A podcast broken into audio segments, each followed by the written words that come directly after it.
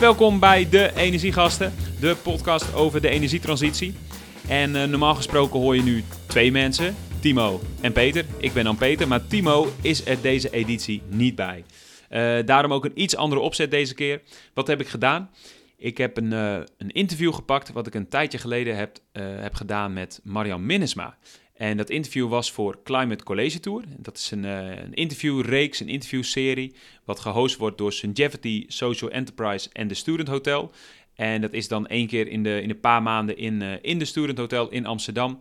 En daar zijn bijvoorbeeld Bojan Slat geweest, eh Benny's Notenboom. En deze editie, of eigenlijk afgelopen editie, was dat dus Marian Minnesma. En ik weet nog dat ik tijdens dat interview dacht, ik zou haar ook zo graag een keer als gast bij de Energiegasten willen hebben.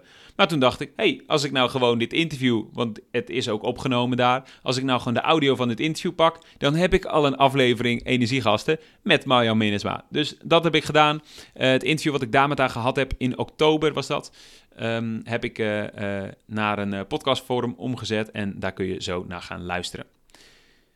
Wie is Marjan Minnesma? Heel kort, eh, want ik, eh, ik schat de kans best wel groot in dat je haar kent. eh, of anders haar organisatie, Urgenda. Of anders de Klimaatzaak. Eén van die drie dingen ken je waarschijnlijk. Ehm Marjan Minnesma is oprichter van Urgenda. En ehm, met Urgenda is zij bezig om de verduurzaming in Nederland te versnellen. Ehm, dat doet ze onder andere met, eh, of eigenlijk vooral met dingen opzetten die nog niet gebeuren. En dat vervolgens weer door andere partijen eh, laten overnemen, eh, laten oppakken. Voorbeeldje daarvan, collectief zonnepanelen inkopen. Ja, dat is nu echt super logisch. Dat, dat gebeurt nu in elke wijk, in elke buurt van Nederland zo ongeveer. Maar jaren geleden was dat er nog niet en heeft zij dat voor het eerst in Nederland gedaan. Ehm, nu gaat het heel veel over eh, je huis energie-neutraal maken. Ehm, ja, nu eh, wordt dat steeds normaler, maar er is ook Urgenda echt heel erg in het begin al, eh, al mee aan de slag gegaan om dat, om dat voor elkaar te krijgen. Dus allemaal van zulke nieuwe dingen, die zetten zij op. Of het nu gaat om echt doorrekenen wat Nederland moet doen om in 2000, eh, wat is het, 35 helemaal duurzaam te zijn. Of dat het gaat om zo'n collectieve inkoopactie. Of, en dat is waar ze denk ik echt de afgelopen jaren het meeste aandacht mee hebben gekregen, met het aanspannen van een rechtszaak tegen de Nederlandse staat. Die zaak heet de Klimaatzaak. Ehm, die hebben ze ondertussen, eh, of in eerste instantie hebben ze die in 2015 gewonnen. Toen heeft de rechter dus geoordeeld dat Urgenda inderdaad gelijk had en dat de staat verplicht is om meer te doen eh, op het gebied van verduurzaming van Nederland. En toen is de staat in hoger beroep gegaan. En dat hebben ze eh, verloren van Urgenda. Goed nieuws, dus twee keer heeft Urgenda dat al gewonnen. En ehm, ik sprak er eigenlijk vlak nadat de winst bekend werd. Dus zij zat nog helemaal in de high van de overwinning. Tussen oktober en nu is bekend geworden dat de staat opnieuw in hoger beroep gaat. Voor de laatste keer dat het kan. Eh, dat was toen nog niet bekend, dus daar zullen we in het interview niet op ingaan. Maar we gaan het wel uitgebreid hebben over die klimaatzaak en ook wat voor effect dat heeft gehad in de rest van de wereld. Ehm, ook gaan we het hebben over haar geschiedenis, onder andere bij Greenpeace. Daar heeft ze gewerkt. Eh, we gaan het nog eventjes hebben over Shell, komt ook langs. Ehm, en eh, je zult ook wat vragen uit de zaal horen van, van de studenten, ehm, ondernemers en mensen die in de duurzame energie werken, die daar aanwezig waren. Het eh, interview is trouwens in het Engels, goed om te weten. En eh, heel veel plezier ermee.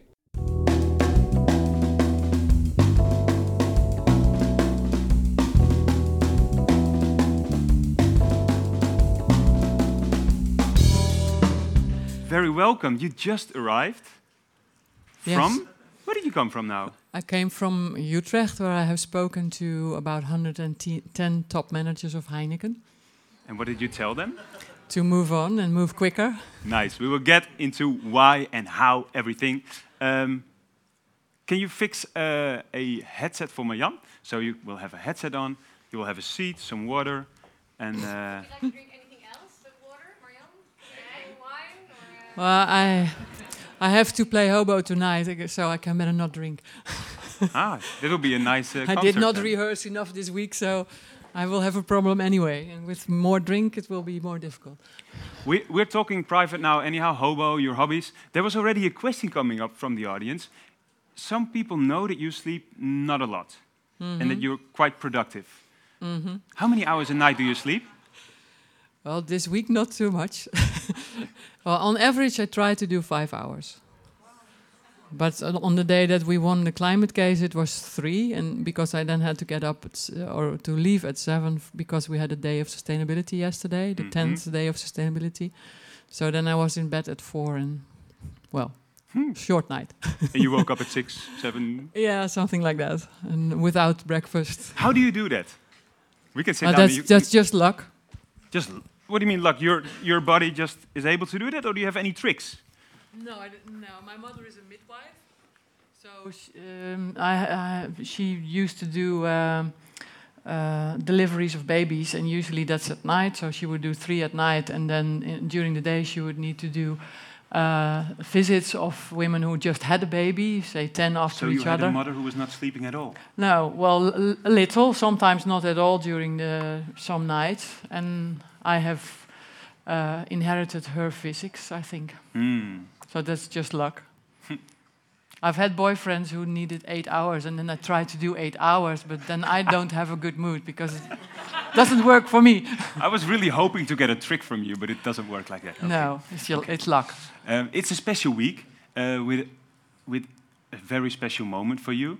Um, let's move to that moment first because it's so recent, uh, and I'm talking, of course, about the moment that you knew that it was won again, the case again in the appeal. Uh, how was how was that moment? Well, it started around 10 o'clock, and we were sitting at front with the lawyers of the state and our lawyers, and my uh, Professor Vellinga, who is the chair of our board, and myself, and we were sitting next to each other, and they would start like, we do not agree with the lower court, um, and I said, oh, oh uh, that the um, uh, European uh, Treaty for um, Human Rights was not applicable. So we think it is applicable. Uh, so the, the I have to get the English words E uh, H uh, R M. Um, so we do think that uh, human rights are here breached, and therefore, if you don't do necessary things, you uh, you do something that's not allowed, and therefore. Uh, that's a problem. So I thought, okay, th- maybe this is the sweet thing to start with, but then probably he will say, well, there's a, com- there's a climate law coming up, so it's not necessary anymore. I was always waiting for the negative thing. Why? And well, because you prepare it for me, it was a bit 50-50, but you prepare for the negative because then it can only be better. so I was I was waiting for the negative thing, and then on two third or four fifth, he said, "Well, there is a duty of care, and the 25 to 40 percent is what uh, industrial countries should do, uh, CO2 reduction." And I thought, "Oh, this this sounds really good," and I was like, "Dook dook dook dook." Uh, so I was watching Pier, and he was like. Um, and and we, we were watching straight to those uh, three, um, um, uh, what's the word? Judges? Judges.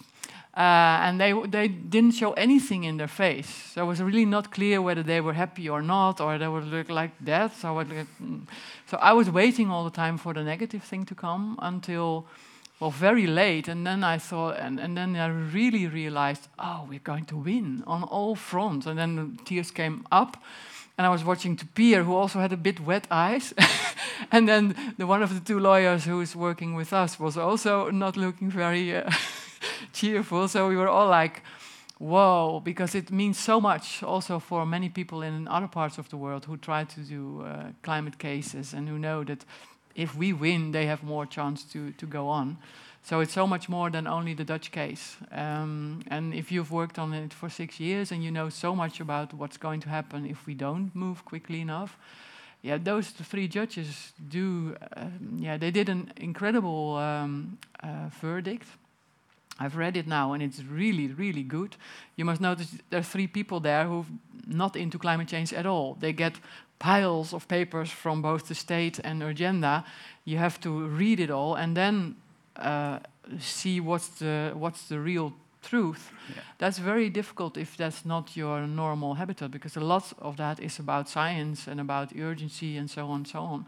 And if you see what they did and the way that they um, made uh, their choices and, and how they argumented it, I think it was really an excellent job. We must be very glad that we still have independent judges who think for themselves, who don't Mm. believe what certain people say and don't listen to framing and all those things, what Yeah. you now hear after we won again. And it's really very, very good verdict. And both the lower court and this court are conservative courts. So it's not that they are kind of action courts or, or something like that. So if they say, well, Urgenda is 100% right, and it was really on all arguments that they said uh, the state was The not whole package. it was like fletch, fletch, fletch, fletch. So uh, yeah, um, until the very last word, I was waiting until he really said, "Well, we don't agree with the state," and so Urgenda won. And then yeah, everybody was clapping and yelling, and there was many people around said, "We've never heard that in a court," because you have to be quiet until the three judges leave the room. But Ah. everybody was yelling. was and just too much tension, yeah, too much. it was. Yeah, and then there was a big, uh, uh, yeah, positive uh, feeling all around in the room. And now you're still on that wave. I have not had the time yet to read all the messages that I got because there were hundreds from, say, people from um, my high school to people from former orchestras or former jobs, because everybody watches. Uh, there were the main news uh, items uh, at TV, and Is there some of the reactions that comes to mind that, that you did read that you like touched you or like felt special in some way? You refer to the international context or some someone local. There were many because I did read some. Um, I'm also in a kind of women's network of high-level women who also all fight for climate change, and they were really excited because they're all wor- working on these topics. But also like a school teacher who said, "I really, I'm really proud of you, and you probably don't know me anymore because you were, well, I don't know, 13." I said, "Well, I do know you," and yeah, then you see how many people follow you. Uh, I don't know. I don't. I know I have some followers on Twitter, but many of those people are not on uh, social media. But somehow they do follow what you're doing, and it also helps because although say normal people who are not into climate change, they all say. Uh, I also worried. Uh, I have ta- t- taken uh, 10 solar panels. So you see that the great big movement of people, the normal middle class people, are worried and they Yeah. do want to do something. Yeah. So that gives you also the hope that we might move quicker than uh, we currently do. On the climate case, um, there might be a possibility of the state appealing again. And I heard them something. I heard some reactions that they say that it's a, like a principiële, like a principle, uh, principiële kwestie. Yeah, uh, you probably know what that means. Um, that the state, or actually that the judges are sitting on the chair of the state, and that they should not do that. Uh, that was kind of a reaction. How do you feel about that reaction, and how high is the possibility that the appeal will come? Well, the reaction is nonsense. Uh, I expect that they do want to go to the highest court, and in this highest court, it's not about facts anymore. It's only about whether the law has been applied in the right way. So it's, uh, in that sense, um, more what they want. But um, when we won the first time, we also offered to the state, well, if you only have this principal question, then we can go straight to the highest court. You don't have to do this middle thing, what they just did. Hmm. Because there is a, a way, if you have a principal question, to go straight to the highest court, and then And we you offered them. yeah, and then we would have been ready within half a year. So then would it be? Uh, then we would have been ready in 2016. And but why? they didn't want to do so. Do you know why? No, because they because say for for the outside world they say we we do want to do the, the verdict and we're going to do take action, but it's very principle. But if you see what they did in the past few years, they just fought us on on every little thing. So they play another role for the the outside world and in the media than they play really in court. Hmm. Uh, and they wanted to go uh, and, and try to, to find, fight every detail, which they did. But if it really was principle, they could have gone to the highest court immediately. So they it's kind of refused. framing more than what they so it's framing, and that's what they now do again. They say we are going to do what's necessary, but it's very principle because they were in our chair. Well, they we were not in our chair, and the, the, the judges were neither. Because if um, if we as citizens go to court and say there is a duty of care that has been breached because the, the government should uh, uh, make sure that we are safe here, And this government itself has said, well, we should do between 25 and 40 percent CO2 reductions in 2020. And the judges clearly said, well, the 40 percent that we wanted most is maybe necessary, but that's a political question. But the 25 percent, the lowest level, that's what I guard. Here, uh, that's my role as a judge. That say the minimum level of safety, you can come to the judge and say, well, please help me because the government's not doing what the government itself has stated is the necessary level. So this norm of 25% is not invented by the judges. And they don't say what the government has to do. Say they are not on the chair of the government. They're not saying close coal-fired power plants or drive electric or what's, whatever. They only say this is your This is the norm. Uh, so you should stick to your norm. Yeah. Like if the government would, would have said, well, dikes should be two meter high, we only want one, then we can go to Yeah. court and say we want two because that's what you said is safe. If if you say it's unsafe one, then we don't want to live here anymore. Yeah. So the, um, I think that many people who are now in the media saying that the judges on the, the chair of political people are either not reading what we did, so ignorant, or uh, and I think most of them are, do know what we do, but they just want to frame it in this way because that's easier than saying I don't want to uh, take care of my citizens. I don't take my duty of care, and I want to go on and don't move too quickly. Before I move for some questions to the audience, uh, to wrap the climate case up to if they appeal, uh, what is the chance that you think Urgenda will win again? Well, I think yesterday, two days ago, I thought it was 50 50, but now that we have won again, I think the chances are quite high that we will win. Particularly because the new thing was that the court said that this uh, human rights law is here really applicable, and that's uh, not doing this, and that's, this is the highest level of law, which is uh, straight into our national law, and if you don't live up to it, uh, you're not okay. Um, and that was not in the first verdict. So the two together make it stronger. Um, and so I think the chances are now much higher to win. That's good news. Cool. Who has a question for Marjan?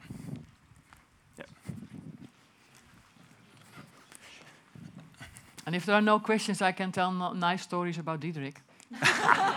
We will come to that. We have a picture coming up even. I almost don't dare to ask the question now because, you know, nice stories are always good.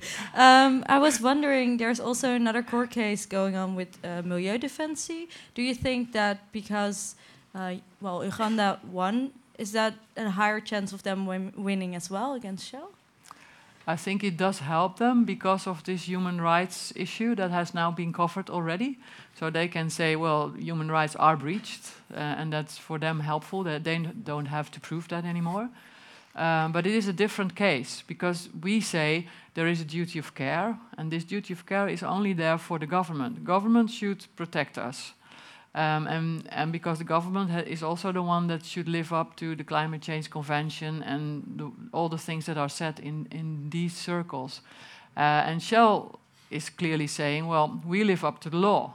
If you don't want us to uh, use oil or gas anymore, uh, then make a law that oil and gas are forbidden. But we are doing something that's ac- according to the law. So it's more difficult. And what uh, Milieudefensie now tries to do is what, say, the earliest people who tried to fight smoking or tried to find asbestos did. Because it took quite a while, sometimes 30 years, before they finally won. The first cases were very often lost because what you try to prove is that the general situation in the country has changed so much that it's really immoral and also illegal. That's are two different things um, to do things that are um, against your health or whatever the claim was in those cases. And it usually takes some time before things change. So I think that is a, a more difficult case. You actually uh, not work, but you did your uh, your uh, thesis at Shell, right? Yes. Which year was that? 90, no, whatever, 93, 94. So, okay, who knows this videotape? You had it in your hand, so what's happening here? No, this is the videotape uh, that leaked uh, through the correspondent. Uh, it was a, a videotape of the date you see it at the right corner, uh, 91. So that was before you joined Shell. A videotape uh, about climate change, about the concerns uh, within Shell. So Shell knew all along. That's basically the story. And the correspondent republished it a while ago, a year or something. Um, so that was quite an international happening as well. Um, did you see that movie when you were in Shell, or did you? How did you? No, no. I, I graduated there, so I did something different, and I thought at that time I'm going to change the world from the inside. That was very naive. So after a year, I thought this is not going to work because I have to become 50 before I make a change, and that takes too long. So then I went back to university and did some other studies. Um, but this was not an issue there, say, um, at lunch or whatever. Mm. But the, there were certainly groups within Shell who knew this and who also made those video, also uh, educational material. So that's funny because they gave it to schools and all kinds of people.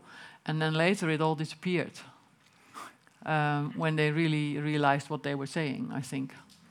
Um, but I, I didn't see it at, at that time. Okay. I heard about it later. Any uh, questions on this topic, like Shell and connected to it? Yeah. Maybe. Wait a minute. Uh, hi. Oh, sorry. Yeah. Go ahead. Um, yeah, my question would be maybe in.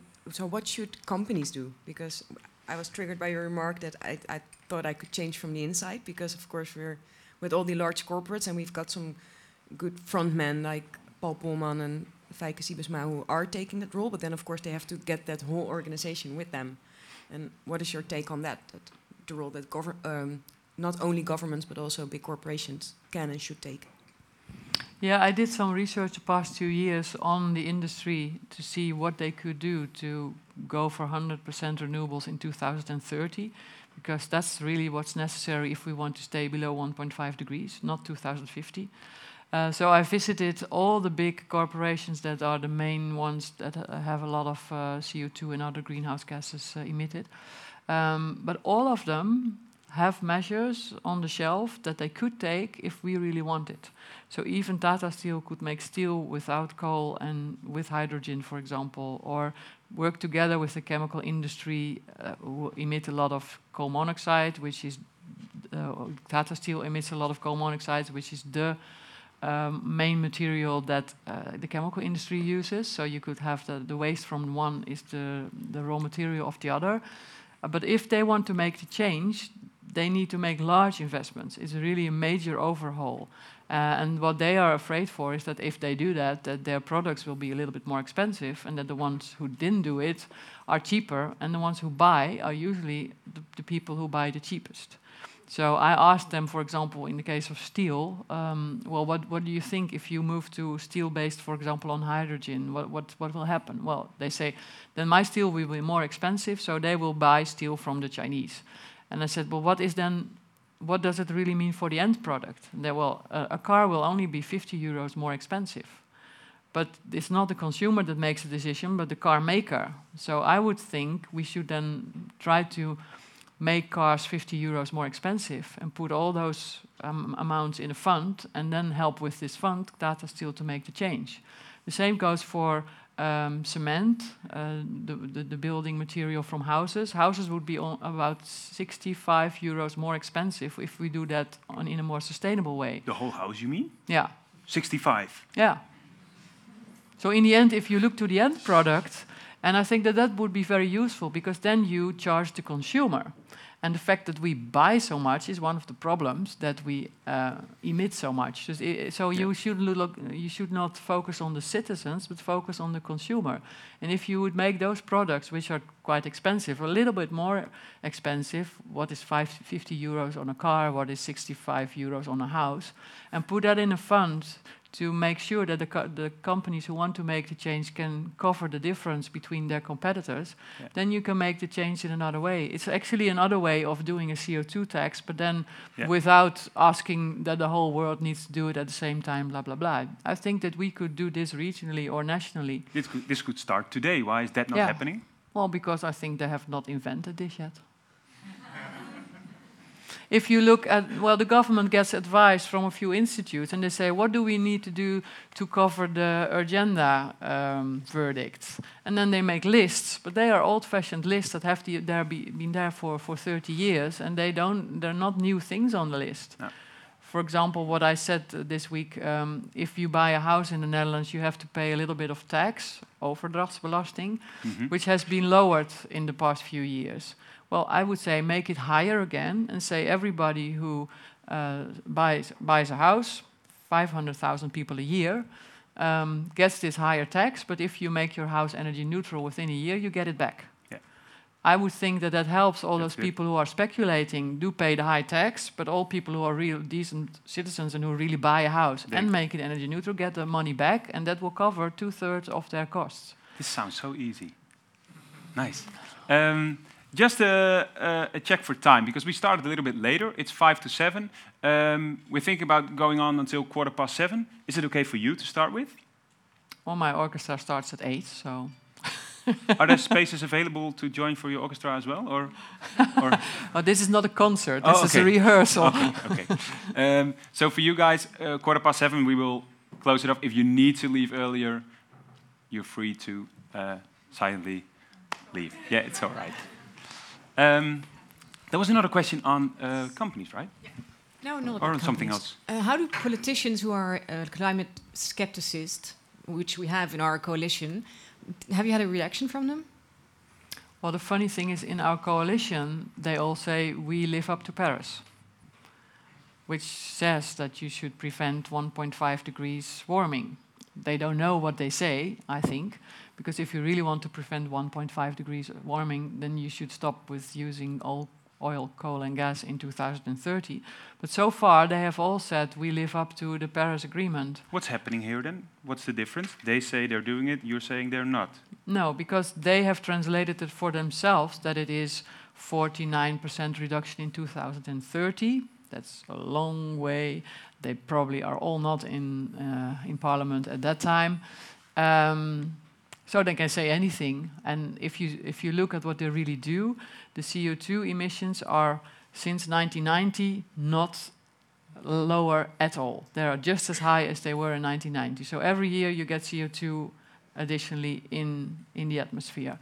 So we are not lowering emissions at all. The other greenhouse gases have lowered 13%, but that stopped six years ago. So since we won, nothing happened. Since Paris was signed, nothing happened. So I look to what they do and not to what they say. And they say we live up to the Paris Agreement, but if you see, if you look at what, what's really happening, the emissions are not lowering. And what if you tell them? What is their reaction then to that point? that they are the greenest uh, ever and that they have a, a, a climate uh, law in the making and In that, the making, that they yeah. really are trying. Yeah.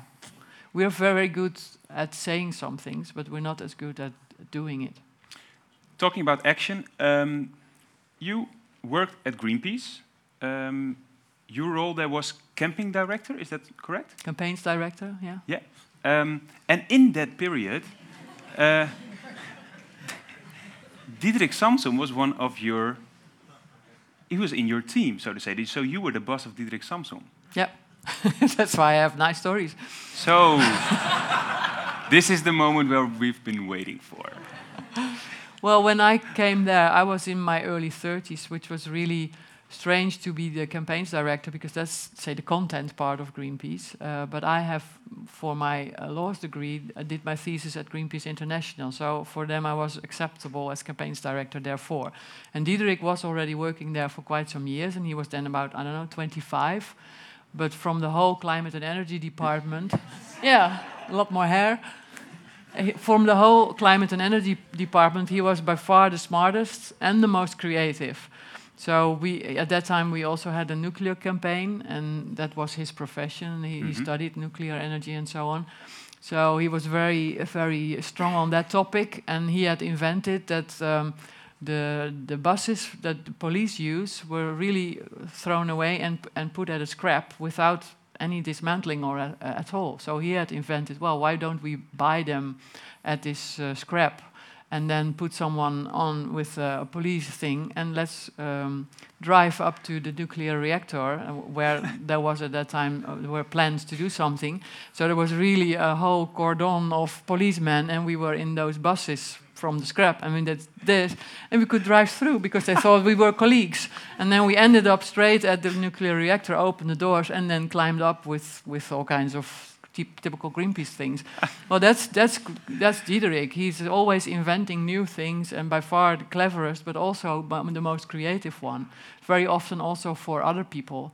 Uh, so I've worked with him very pleasantly, and um, he uh, knows a, lot about many dossiers, also the, the ones that were not at all uh, his topic, but uh, he would follow everything worldwide, and was also quite creative in, in inventing things. Once we had a, was a big conference going on in Denmark about. Um, the, the nuc- nuclear waste, and in Sellafield in La Hague, there is a lot of nuclear waste going into the oceans.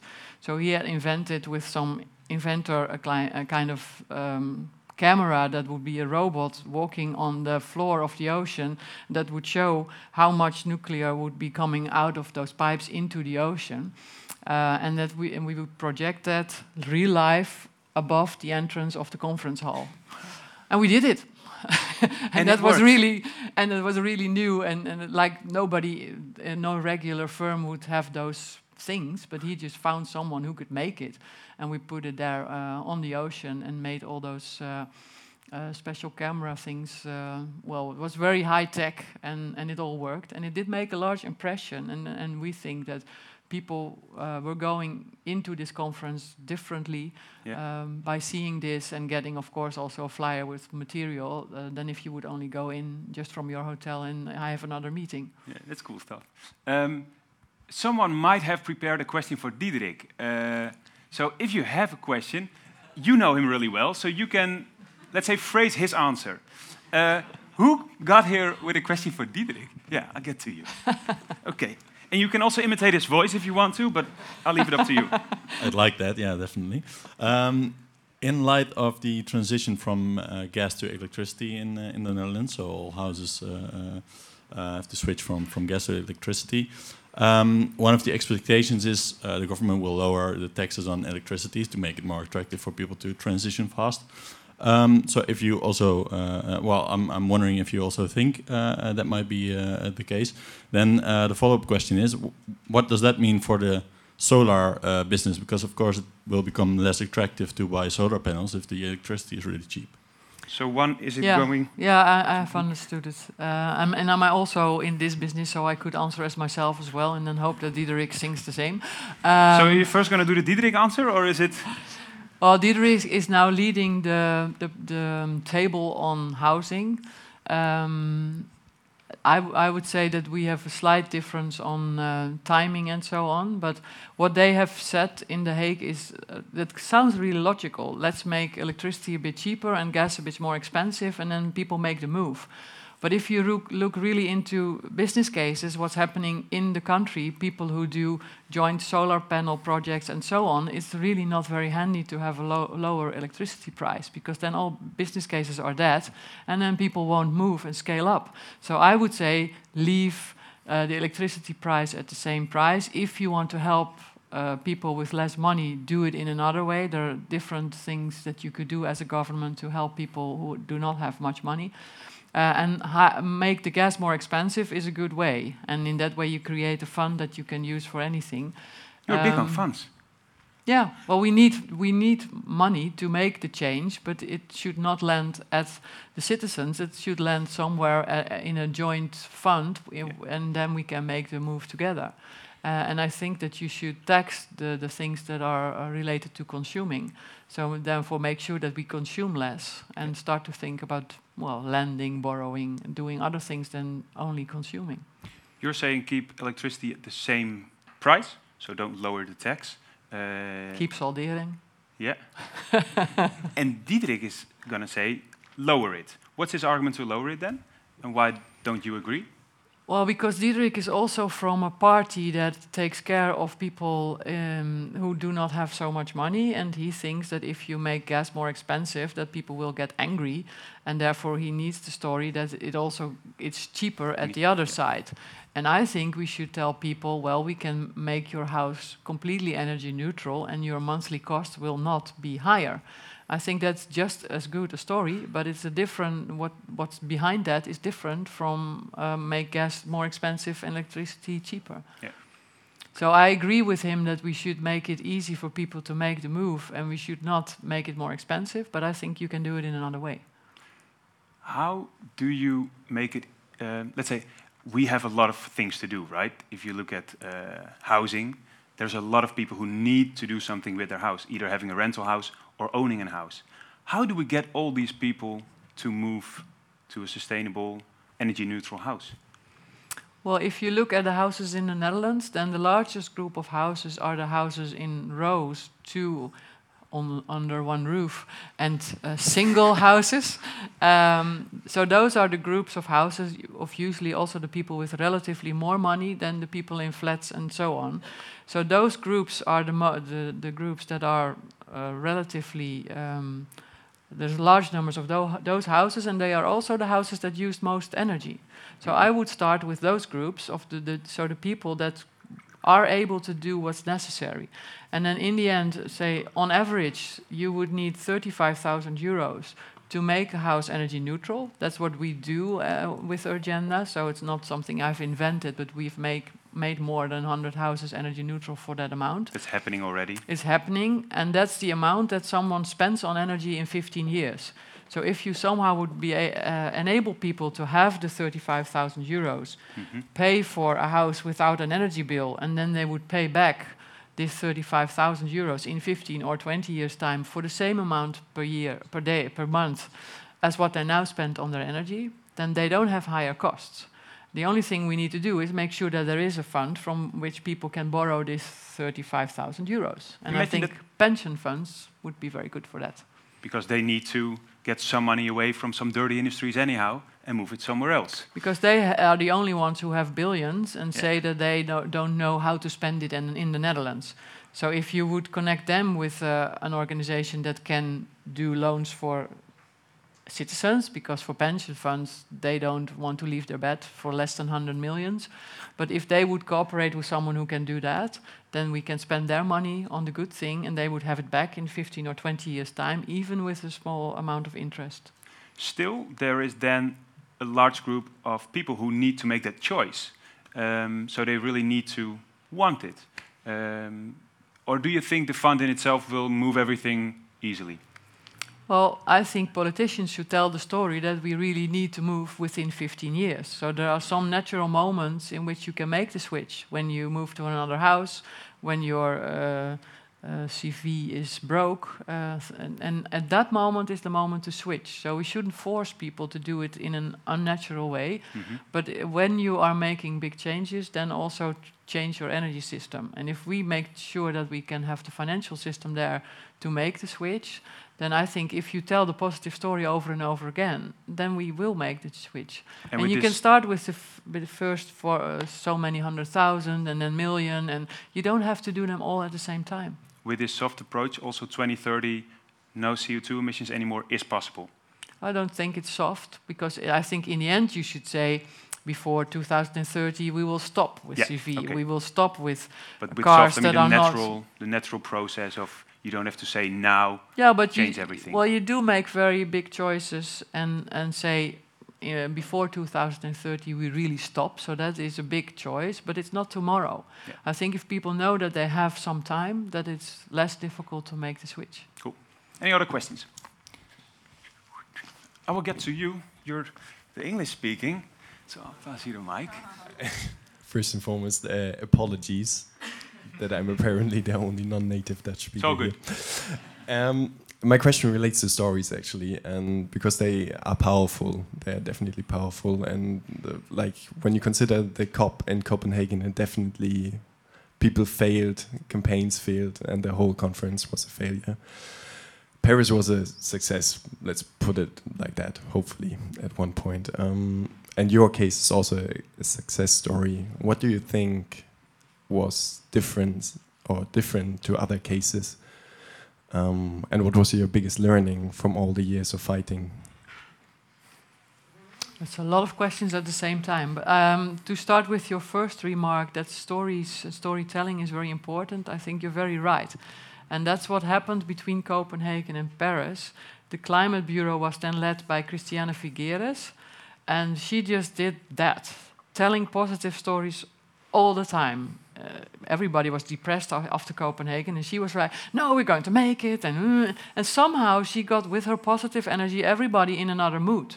I think that's incredibly important, and um, we should not underestimate what she did.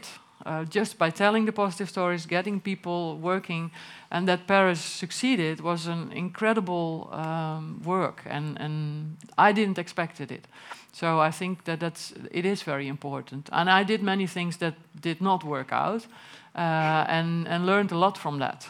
So, for example, in 2008, for I I had the first electric car, and I thought if I now go with with 50 different uh, big companies and I buy try to buy electric cars together, then maybe they will be cheaper and then people will move faster.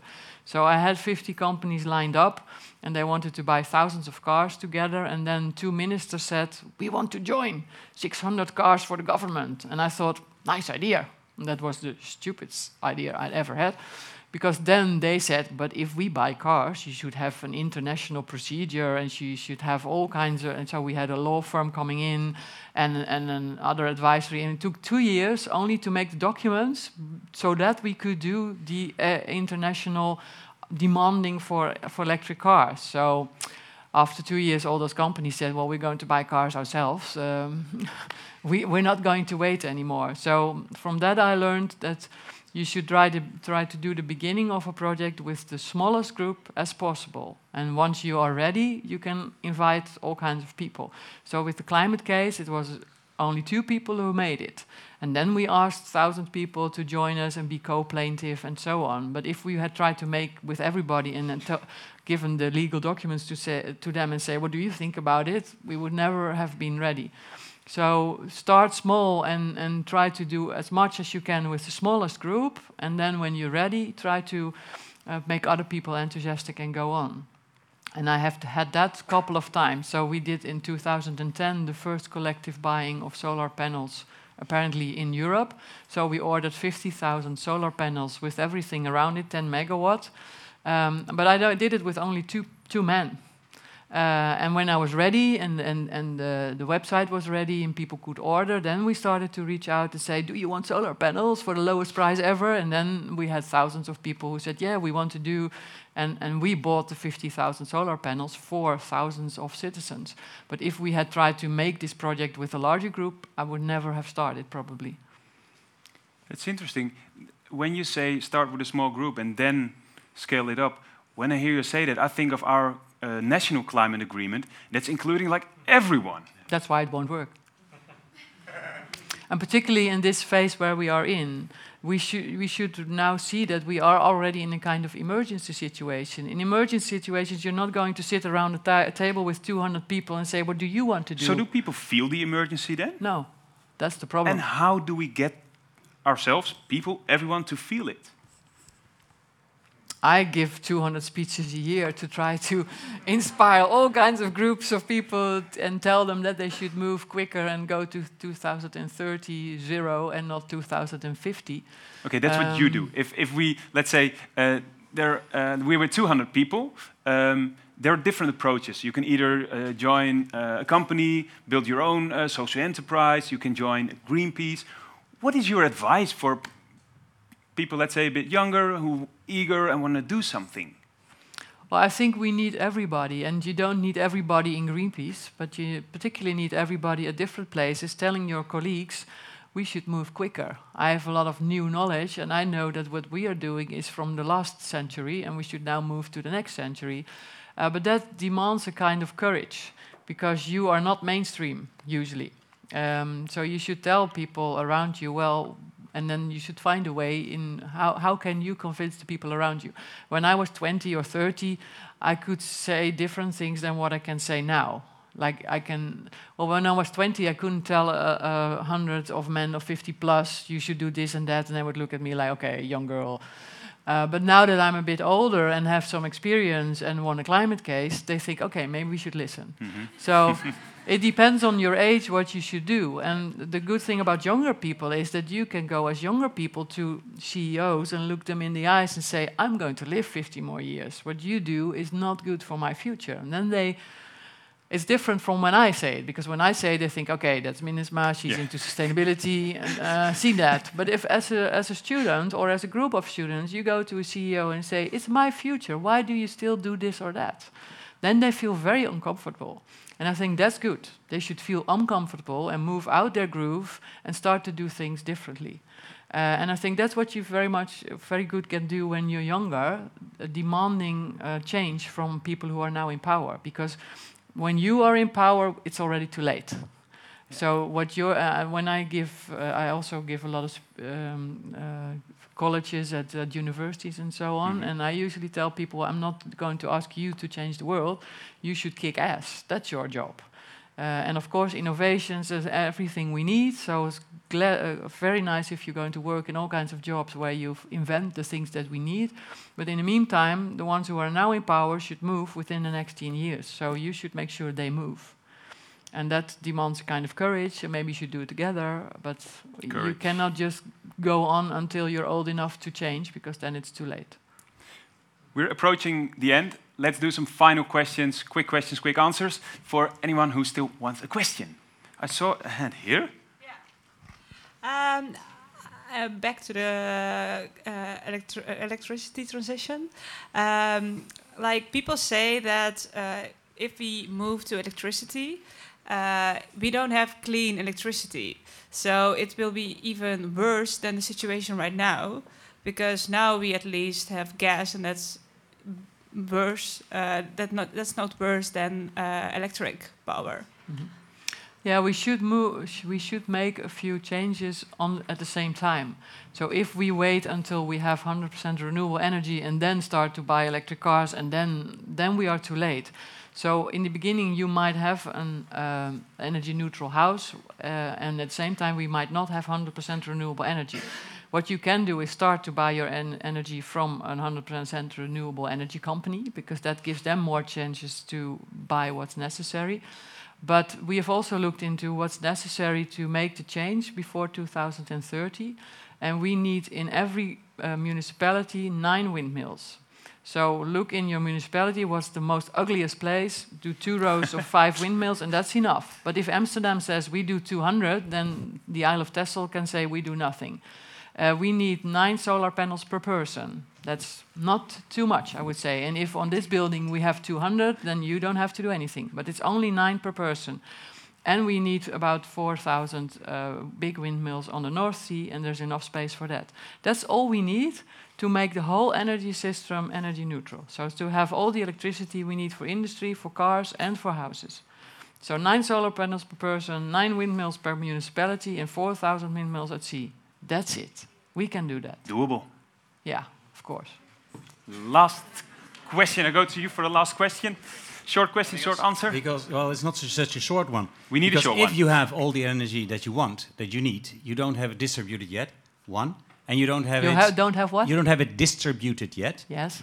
And the most important, you don't have it at the moment when you need it. And Yeah. that brings me to the actually the question I had prepared for uh, Diederik.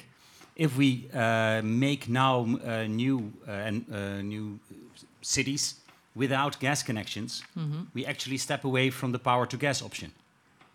Yeah. What's your opinion about that?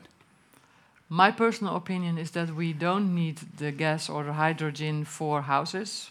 We need hydrogen for the industry. Uh, we can make houses energy neutral in many other ways, and we don't. And uh, if you see how much we need for the industry, we don't have the luxury to use it for other things as well. So I think we should use the hydrogen mainly for the industry first.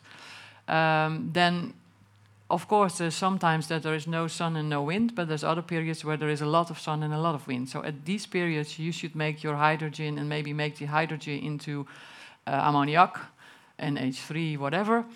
Um, so make sure that you have something there that in the periods that there's nothing, that you can make your hydrogen or whatever you have used into electricity again. Make sure we change the system as well. So you should regionalize, and maybe you have sometimes local batteries, maybe you have sometimes local water which you use for um, uh, small systems and so on. So there's hundreds of different solutions to make sure that we don't need to enlarge the system as much as uh, when you when you really would only look at well now we have so much coal and so on and we use all electricity and, and keep everything the same, then we will probably have a problem. But if you change your system and regionalize and make sure that you have regionally hydrogen and other things which you can make into electricity again at the time that you need it, have the so-called smart grids. If we have one million cars on the road, you also have one million batteries, use them at the right moment. So there's a lot of changes that we also need to make, but we can do that. In the study we made, we have used all this knowledge as well, and we can still, what I said, do, including the whole system change that you need to make. And it costs us about 1 to 1.5 uh, percent of the GDP per year if you look at the, the total uh, amount of afschrijvingen. Depreciation. Depreciation, yes, thank you. So we can do that. 1 to 1.5% of the GDP is what you need to make the changes in the houses, in the mobility, in the industry, and in the energy system. When That's all we need. it's really doable. We probably need you maybe in a position where some other people are now, or how do you see that? I think at this period of time I'm more effective in my current place. but maybe when I get 60 or older, might change positions. Thank you so much for being here.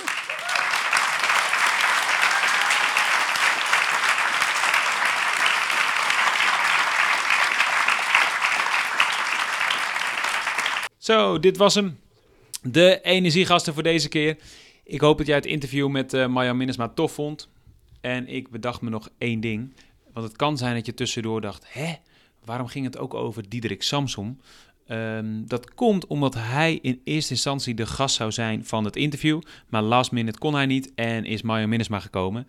Uh, en ze hebben natuurlijk ook samengewerkt bij Greenpeace, zoals je in het interview ook hoorde. Um, dus uh, dan weet je ook, als je nu nog met die vraag zat, wat het antwoord daarop is. Um, thanks voor het luisteren. Volgende keer is Timo er weer bij en pakken we weer een ander onderwerp uit de wereld van energietransitie. In de tussentijd, als je het tof vindt om ons uh, een, uh, hoe heet het, een, uh, een hoe noem je dat nou? een, reactie of een, een, review te geven op je podcast-app. Doe dat vooral, dat helpt echt enorm. Als je het tof vindt wat we doen, geef ons een duimpje omhoog of een aantal sterren.